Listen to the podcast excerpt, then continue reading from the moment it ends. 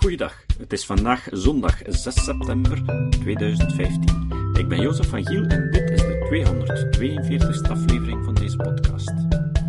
Vandaag bespreken we Maakt religie betere mensen van ons?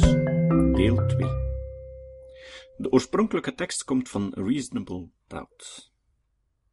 In de vorige aflevering zagen we dat zelfrapportage geen betrouwbare informatie oplevert. Laten we eens kijken wat de daden van de religieuzen ons vertellen. Wel, ten eerste, religieuze personen zeggen meer waarde te hechten aan vergiffenis dan anderen. Maar het effect van religiositeit op vergeving blijkt verwaarloosbaar. Eén studie toont aan dat een vergelijking tussen zelfrapportages en gecontroleerde experimenten van gedrag onthullen hoe vaak gelovigen niet voldoen aan hun hoge dunk van zichzelf. Degenen met een hoge intrinsieke religiositeit, opnieuw, dat is een meetbaar effect, rapporteerden dat ze dankbaarder waren, maar maakten dat niet meer waar dan iemand anders in onderzoeken naar wederzijdse dankbaarheid. Hoge intrinsieke religiositeit schijnt agressie niet te verminderen. Al is hier een wat eng detail. Het laat mensen denken dat ze minder agressief zijn dan ze werkelijk zijn. Fundamentalisten in het bijzonder rapporteren een hoge mate van altruïsme naar iedereen, maar in werkelijkheid zijn ze meer bereid om vrienden of gelijkgestemden te helpen. Ze zijn niet even bereid om vreemden te helpen, of zogenoemde waardenovertreders, zoals bijvoorbeeld een homoseksueel. Dat is duidelijk aan de verkeerde kant van de waardenstrijd. We moeten onthouden dat iedereen overschat hoe moreel hij is. Het is dus heel gebruikelijk om een verschil te vinden tussen hoe individuen hun gedrag voorspellen en hun daadwerkelijk gedrag. Als we iedereen die naar deze podcast luistert zouden testen, zouden we waarschijnlijk hetzelfde fenomeen zien. We zijn niet anders. Het lijkt alleen sterker in religieuze populaties. Zoals eerder gezegd, zeer gelovigen vertonen een sterke neiging tot zelfversterking in interviews. En dit verschil tussen zelfrapportage en gemeten gedrag is groter bij gelovigen dan in de rest van de populatie. De grootste kloof die we waarnemen tussen altruïstische gedachten en altruïstisch gedrag wordt eigenlijk gevonden bij degenen die aangeven dat religie voor hen belangrijk is. Opvallend is dat het bewijs uit experimenten soms zo haak staat op ons stereotype over religie, dat sommige onderzoekers een draai geven aan hun conclusie. Wat ze publiceren toont geen positief effect over religie, maar hun samenvatting of interpretatie spreekt in gladde bewoordingen. Bijvoorbeeld, in een onderzoek uit 1999 zeggen McCulloch en Worthington Zelfs al zouden religieuze mensen in het dagelijkse leven er niet in slagen om meer vergevingsgezind te zijn dan minder religieuze mensen, ze willen graag vergeven. Ze vervolgen door te vertellen hoe geweldig het is dat ze goede, vergevende mensen willen zijn. Ik wil stellen dat het prijzen van gelovigen voor hun morele intenties het punt nogal mist. Het is niet zo dat het goed is dat we beter willen zijn. In sommige gevallen denken ze al dat ze superieur zijn. Er schuilen grote gevaren in het hebben van een onrealistische inschatting van het eigen karakter en beperkingen. Laten we verder gaan met een ander type onderzoek: religieus priming onderzoek. Hoewel religieuze personen zich niet moreler lijken te gedragen dan ze opgeven, zou het nog altijd vreemd zijn als religie niet enige invloed zou hebben op moreel gedrag na alle geschriften en preken vol aansporingen om je naaste lief te hebben en anderen te behandelen zoals je zelf behandeld wil worden. Ik zou denken dat frequente blootstelling aan deze berichten zou resulteren in prosociale gedragingen. Priming-onderzoek is dus een nuttige manier om dit te ontrafelen. Opnieuw, de deelnemers zijn geprimed. Misschien moesten ze woorden ontcijferen met religieuze termen erin, of misschien moesten ze een gedeelte van de geschriften lezen en een reactie daarop schrijven. Soms kan het heel subtiel zijn, zoals symbolen in de kamer, een kruisbeeld in de kamer of sieraden of kleding. Soms is het alleen de context, zoals het uitvoeren van het experiment in een kerk in plaats van in een gymzaal. Het goede nieuws van primingonderzoek is dat we hiermee het beste bewijs kunnen vinden voor de religieuze pro-socialiteitshypothese. Er zijn veel gegevens die ze ondersteunen. Er zijn goede onderzoeken die meer eerlijkheid en vrijgevigheid aantonen onder de gelovigen. Sterker in het delen, in het samenwerken, in het hebben van meer zelfcontrole in lastige situaties en het meer kunnen weerstaan aan verleiding. Waarom zijn deze religieuze concepten zo goed in het primen van dit soort gedragingen? Verschillende onderzoeken noemden een mogelijke mechanisme. Bovennatuurlijke controle noemen ze het. De overtuiging dat iemands acties voortdurend en onvermijdelijk geobserveerd worden door een goddelijk wezen. Dit is een sterke herinnering aan ons om ons bewust te zijn van onze acties en misschien is het daarom dat religieuze concepten dit prosociale gedrag aansturen. God zou je in de gaten kunnen houden. Maar ik wil wat opvallende details delen die niet vaak verteld worden in deze priming-onderzoeken.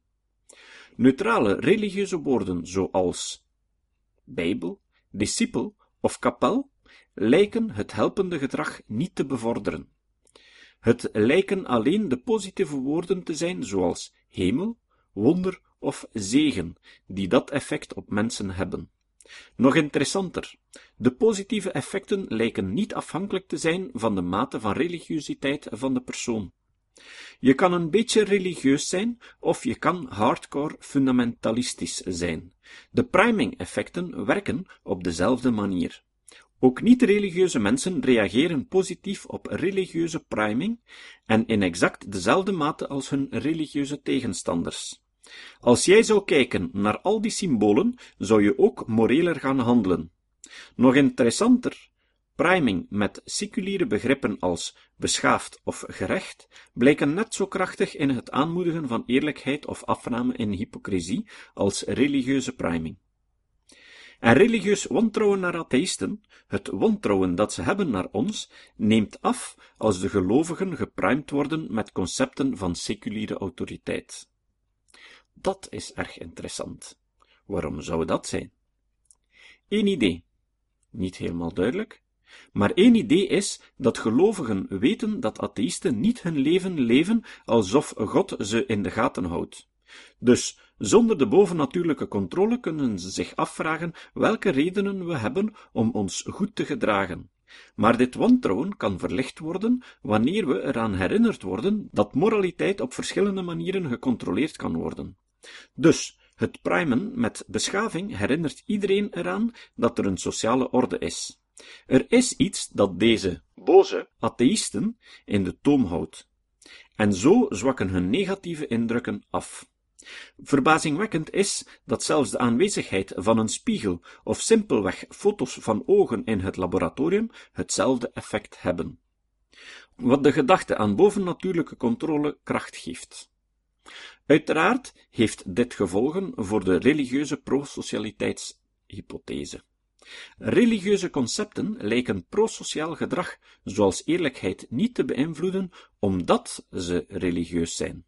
Het is wel mogelijk dat ieder concept dat raakt aan moraliteit in een bepaalde cultuur zorgt voor meer aandacht voor de bescherming van je eigen reputatie. Nogmaals, omdat er een wijdverspreid cultureel stereotype bestaat dat de religie verbonden is met moraliteit, activeren religieuze concepten moreel gedrag. Maar zoals we zagen, doet seculiere priming hetzelfde. Hoewel het positieve effect van het primen met religieuze concepten de krant haalt, horen we meestal niets over de donkere kant ervan. Talrijke onderzoeken demonstreren dat sociaal ongewenste gedragingen zich ook manifesteren wanneer proefpersonen blootgesteld worden aan religieuze berichten. Bijvoorbeeld, proefpersonen die passages uit de Bijbel lazen waarin God geweld dicteerde, dienden meer dan een controlegroep elektrische schokken toe in onderzoeken naar agressie. We moeten opmerken dat dit ook werkt bij ongelovigen. Zelfs niet-gelovigen die passages uit de Bijbel lezen, worden ook meedogenlozer in hun gedrag ten opzichte van iemand anders. Het is enkel dat het effect meer uitgesproken lijkt bij gelovigen. Vooral verontrustend is deze subgroep van religieuze gelovigen met een hoge intrinsieke religiositeit en hoge mate van onderdanigheid. Deze groep was zeer zorgwekkend, omdat zij het meest meedogenloos werden nadat ze geprimed waren met religieuze woorden. Ze leken volledig te ontsporen. Wat ik daarmee bedoel is dat het niet op iedereen hetzelfde effect heeft. Persoonlijkheidskenmerken spelen een rol die de reacties verergeren of onderdrukken. Bij experimenten waarbij mensen de Bijbelse versie van de Gouden Regel moesten lezen, was bij christenen geen afname van homofobie te merken. De negatieve houding naar homoseksuelen was zeker niet afgenomen door het lezen van iets wat je zou omschrijven als een zeer positieve prime, de Gouden Regel. Gek genoeg verhoogde het lezen van de boeddhistische versie van de Gouden Regel hun homofobe reacties. Als ze een andere religieuze tekst lazen, die vertelde dat ze barmhartig moesten zijn en doen naar anderen hoe anderen naar hen zouden moeten doen, wilden ze dat nog minder doen. Dit is misschien omdat de morele verplichting kwam van deze gewantrouwde oudgroepbron, namelijk de boeddhistische teksten.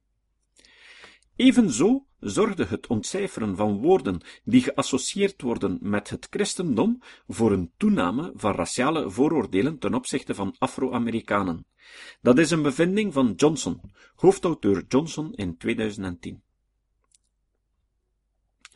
En houdingen naar alle mensen buiten de eigen groep werden negatiever als de experimenten plaatsvonden in een kerkelijke omgeving in plaats van in een burgerlijke omgeving. Dit is een vreemde paradox.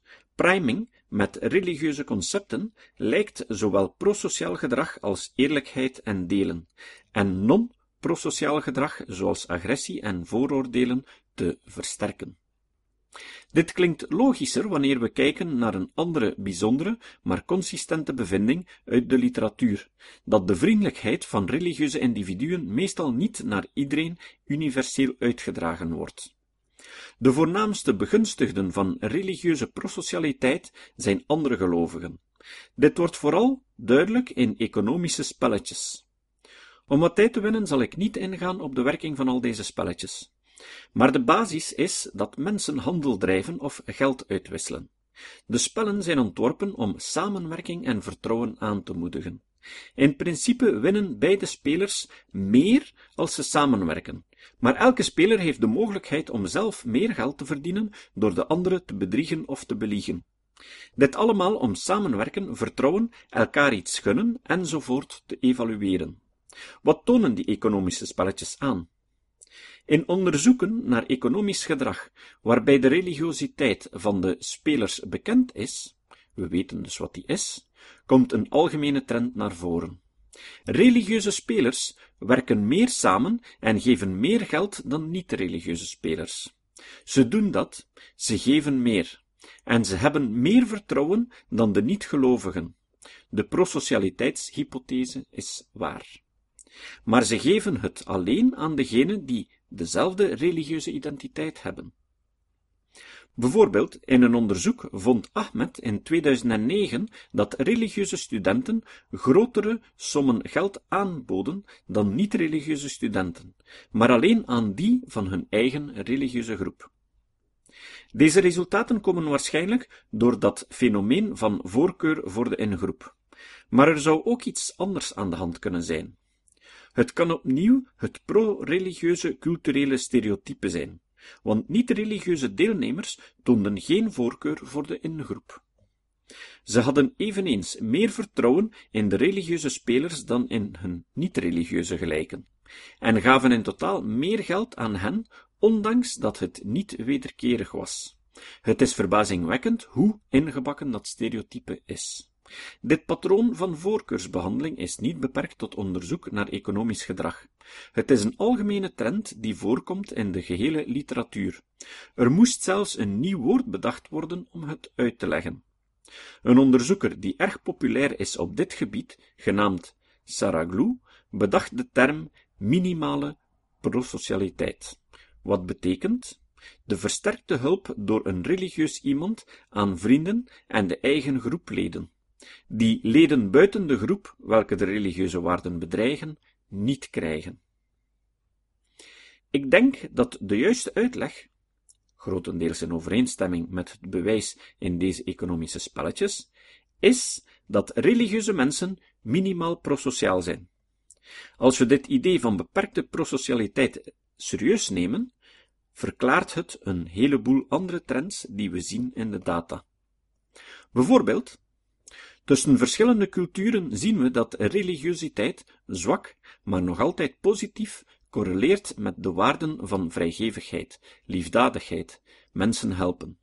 En toch correleert het op hetzelfde moment negatief met universele waarden, zoals het helpen van je buurman of een vreemdeling, de barmhartige Samaritaan, dat soort dingen. Opnieuw lijkt het een contradictie, maar als je het idee van beperkte of minimale prosocialiteit serieus neemt, lijkt het steekhoudend. Het is opnieuw die voorkeur voor de ingroep.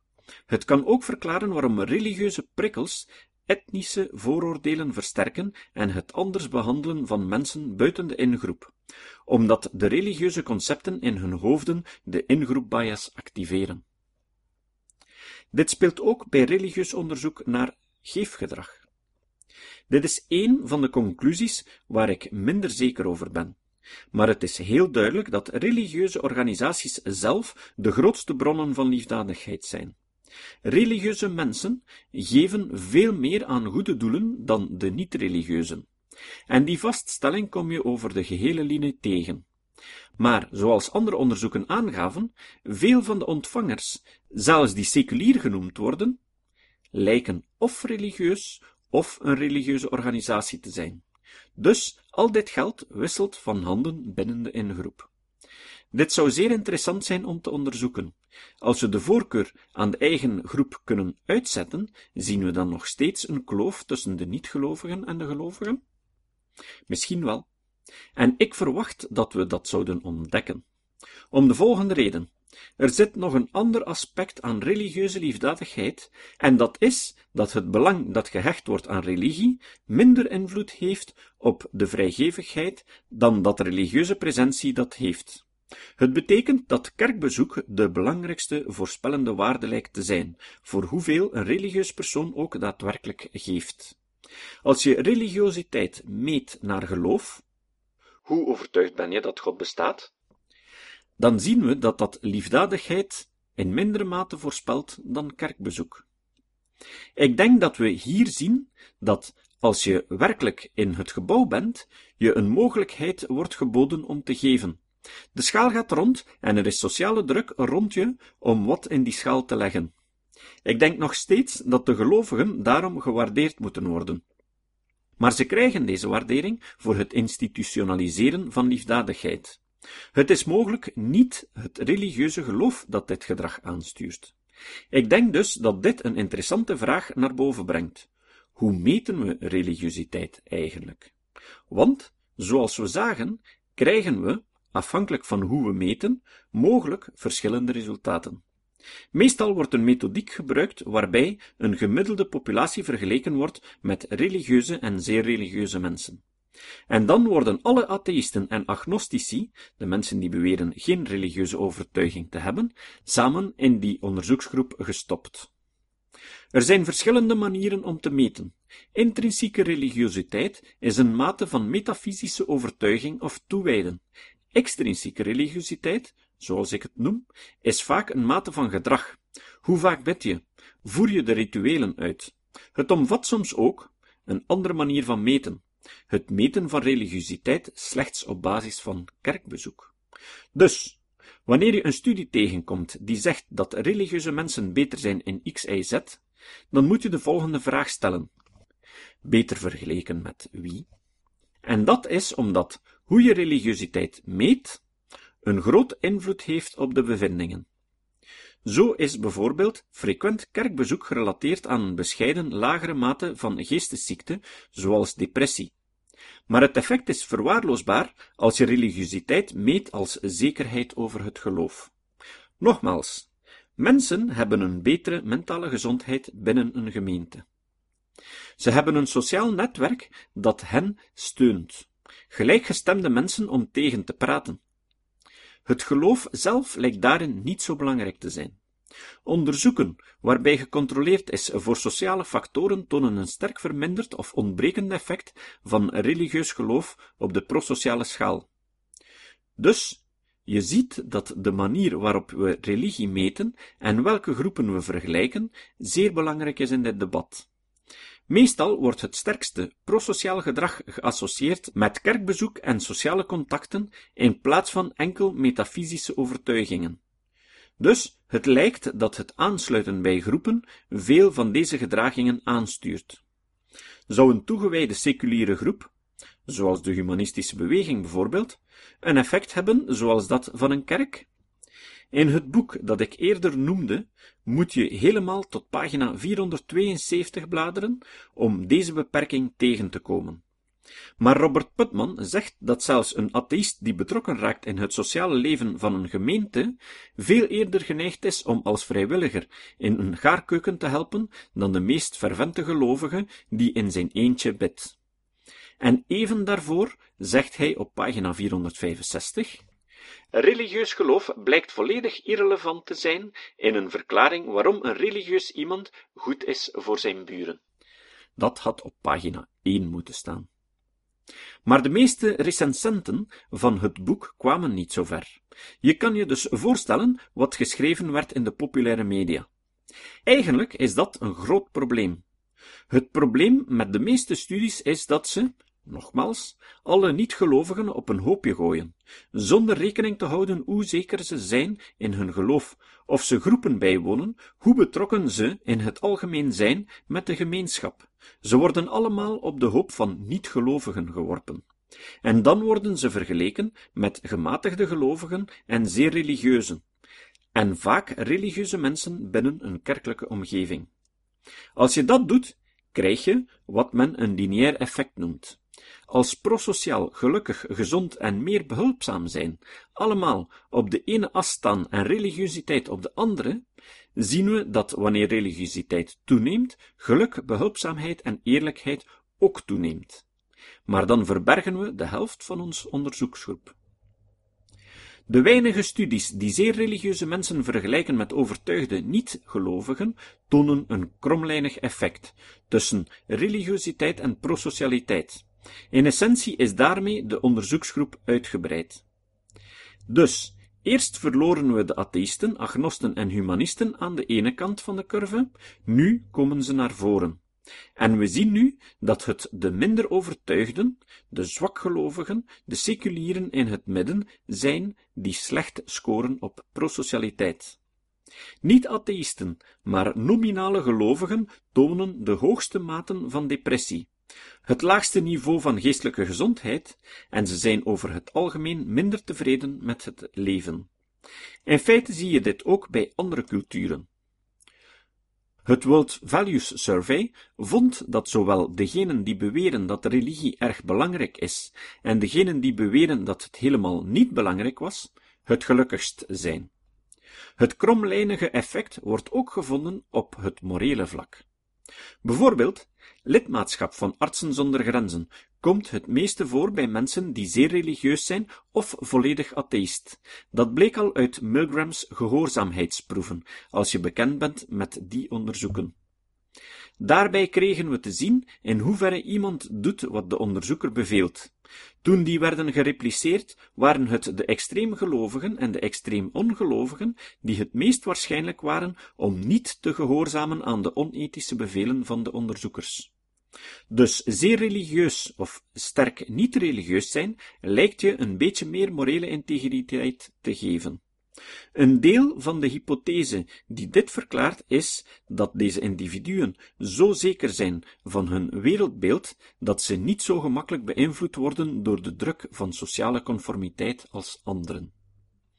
Het lijkt er dus op dat vertrouwen in je wereldbeeld en regelmatige interactie met gelijkgestemde mensen veel belangrijker is voor welzijn en morele integriteit dan je specifieke metafysische overtuigingen. Sorry jongens, Soms vinden zelfs niet-gelovigen het jammer dat te horen. Ze willen geloven dat het geloven in het juiste, de juiste kijk hebben op de realiteit, je een beter mens maakt. En het lijkt erop dat metafysische overtuigingen niet zo belangrijk zijn. Maar helaas worden onderzoeken vaak niet ontworpen om kromlijnige effecten te ontdekken. En dan geven ze de indruk dat atheïsten slechtere fysieke of mentale gezondheid riskeren. En dit is precies wat we zien bij de geestelijke gezondheidsschaal van het leger. Ik weet niet of iemand daar ooit van gehoord heeft. Het Amerikaanse leger kent een geestelijke gesteldheidsdimensie als instrument om te oordelen over het welzijn en de geestelijke gezondheid van een soldaat. Ze concluderen dat soldaten de grootste veerkracht hebben als ze spiritueel zijn, religieus zijn. Dit heeft ertoe geleid dat een aantal hoofdofficieren hun ondergeschikten die niet religieus waren opzochten en ze onder druk zetten om gebedsbijeenkomsten en andere religieuze diensten bij te wonen, omdat het goed voor hun gezondheid is. Ze zouden een risico lopen op zelfmoord. Echter, een nadere kijk naar de gestelde vragen op deze spiritualiteitsschaal toont een grote fout in de manier waarop deze concepten gemeten werden. Het citaat. Het citaat van vandaag komt van Maarten Boudry. Maarten Boudry is een filosoof van de Universiteit van Gent, die we in aflevering 206 reeds interviewden, en van wie we het luisterboek De naakte keizers van de psychoanalyse opnamen, dat je gratis kan downloaden op onze website. Boudry zei: Theologie is de grootste intellectuele verliespost van de westerse geschiedenis. Nergens is zoveel breinkracht verspild aan zo weinig inhoud. Filosofen houden zich er beter ver van. Tot de volgende keer. Deze podcast is het resultaat van het werk van veel mensen. Rick de Laat verbetert bijna al mijn teksten en maakt de meeste vertalingen. Emiel Dingemans verzorgt onze website en Facebookpagina. Ook Leon Korteweg en Stefan Sutens schrijven, vertalen of verbeteren soms artikelen. Leon onderhoudt bovendien het YouTube-kanaal van deze podcast. De muziek van de intro en de trailer heeft Nick Lucassen geschreven, en soms maken we ook gebruik van muziek van Ad van Nederpelt, die ons zijn prachtige composities ter beschikking stelt. Dit was de podcast Kritisch Denken. Vergeet niet om alles kritisch te behandelen, ook deze podcast. Voor verdere informatie over deze podcast, links en voor de tekst, surf naar www.kritischdenken.info. Als je deze podcast belangrijk vindt, kun je me steunen door anderen warm te maken ook eens te luisteren. Stuur een e-mail naar vrienden met een link naar de website en plaats de link in de handtekening van je e-mails. Tevens kun je op iTunes deze podcast een beoordeling geven of een recensie schrijven. Of je kan op je eigen website of blog een link naar kritisch denken plaatsen.